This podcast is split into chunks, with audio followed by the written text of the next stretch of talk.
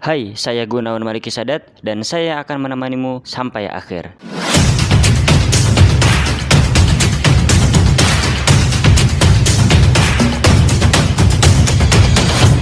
Balik lagi di JMS Podcast episode ke-53 Sebelum aku mau masuk ke topik, aku mau tanya dulu nih ke kamu. Apa yang kamu lakuin sih kalau misalkan kamu sedang berada di titik jenuh Apakah kamu tetap ngelakuin pekerjaan itu yang memang harus selesai besok misalnya? Atau kamu akan mencari hal lain yang menghibur kamu, kemudian kamu kembali lagi? Atau kamu punya cara tersendiri untuk menghadapi hal itu? Kalau misalkan kamu udah tahu caranya, udah punya cara tersendiri, tolong simpan di hati kamu dan tetap lanjutin dengar podcast ini karena aku bakal ngasih kamu new insight yang mungkin belum kamu tahu. Dan tentunya ini bisa menjadi referensi baru kalau misalkan kamu menghadapi bosan yang memang belum pernah kamu rasain. Gitu. Kan banyak banget jenis-jenis bosan dan kita tahu rasanya seperti apa. Kadang bosannya, ah ini wajar gue udah ngerasain nih. Kadang juga, wah gue nggak pernah ngerasain bosan kayak gini. Apakah pekerjaan selama ini gue nggak cocok atau gimana? Nah, kali ini aku bakal bahas tips-tips bagaimana kamu bisa mendapatkan semangat lagi untuk menjalankan rutinitas. Sebenarnya aku mau menjabarkan dulu kenapa kamu bisa memiliki rasa jenuh. Ya nggak usah panjang lebar itu adalah hal yang manusiawi. Kalau misalkan kamu nggak mendapatkan hal tersebut berarti kenormalan seseorangnya atau kenormalan sebagai manusia kamu dipertanyakan. Karena emang sesungguhnya manusia itu memiliki rasa bosan dan rasa capek. Ya, tergantung kita bagaimana cara menghadapi hal tersebut. Balik lagi di buku Ikigai yang pernah aku bahas. Di dalam buku Ikigai itu memberitahukan kita bahwa emosional seseorang itu tidak bisa dikendalikan, namun kita bisa mengendalikan tindakan kita. Artinya apa? Rasa capek, rasa bosan itu memang hal yang memang manusiawi, hal yang alami gitu. Kita nggak bisa mengendalikan hal itu. Kalau misalkan kita mengendalikannya, kita malah capek, kita malah makin stres. Tapi bagaimana kita mengendalikannya itu? Seperti kita mendapatkan solusi untuk menghadapi rasa bosan atau rasa capek, itu semuanya hal-hal yang bisa kita kendalikan. Nah, mungkin kamu bisa mencoba empat teknik ini atau empat tips ini. Yang pertama, kamu berhenti. Ya kita tahu kalau misalkan kita udah stres kita udah capek ya berhenti dulu. Tapi nanti aku bakal bahas lagi ada satu poin lagi yang sama tapi beda konteks. Yang pertama ini berhenti kemudian kamu lakukan hobi. Sifatnya sementara karena kamu tahu bahwa bosan yang kamu alami ini adalah hal yang biasa. Yang cuma sementara doang. Ya paling cuma bosan sehari doang. Besoknya gue tahu nih bosan kayak gini nggak bakal ada lagi ya udah ketika kamu bosan dan rutinitas kamu coba lepas rutinitas kamu. Gak usah terlalu idealis dengan jadwal yang udah kamu buat. Kamu ikutin main futsal kah main bola atau sesuai dengan hobi kamu atau renang gitu. Salurkan uang kamu untuk hobi kamu walaupun cuma sementara. Karena itu adalah step-step bagaimana kamu bisa meningkatkan rasa semangat untuk mencapai goals kamu juga. Nggak akan mubazir kok nggak akan sia-sia kamu ngeluarin duit. Oke yang pertama berhenti dari pekerjaan kamu. Kalau misalkan nggak ada deadline ya kalau misalkan aman-aman aja kemudian kamu lakukan hobi.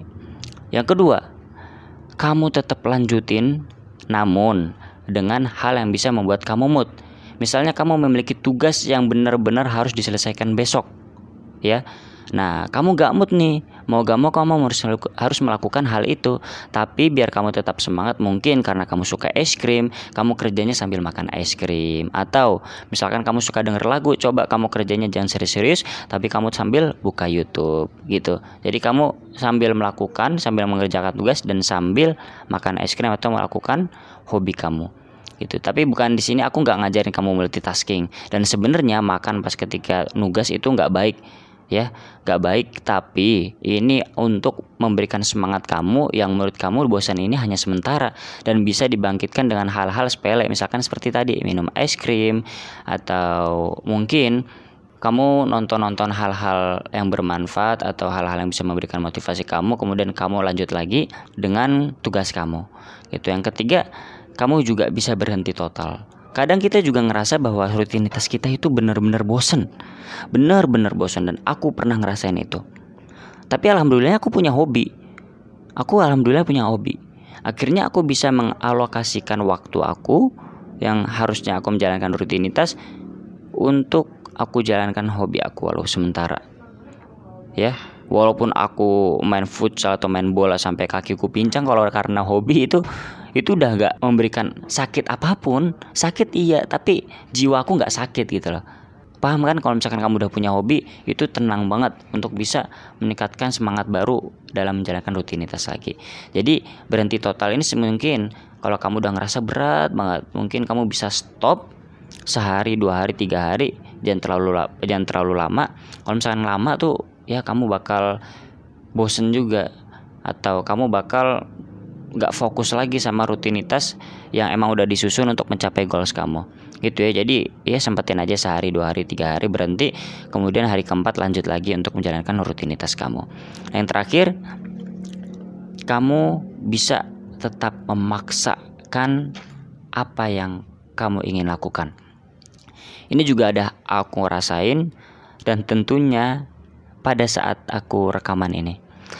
Jujur aku lagi bosen banget aku lagi boring tapi mau gak mau aku harus mencapai target aku di bulan di tahun 2021 ini.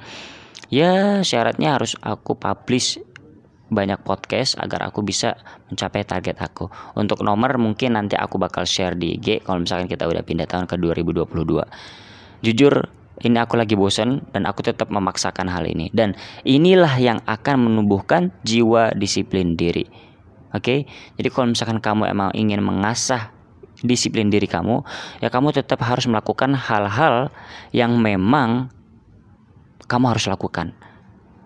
Aku nggak buat podcast, aku nggak akan dihukum.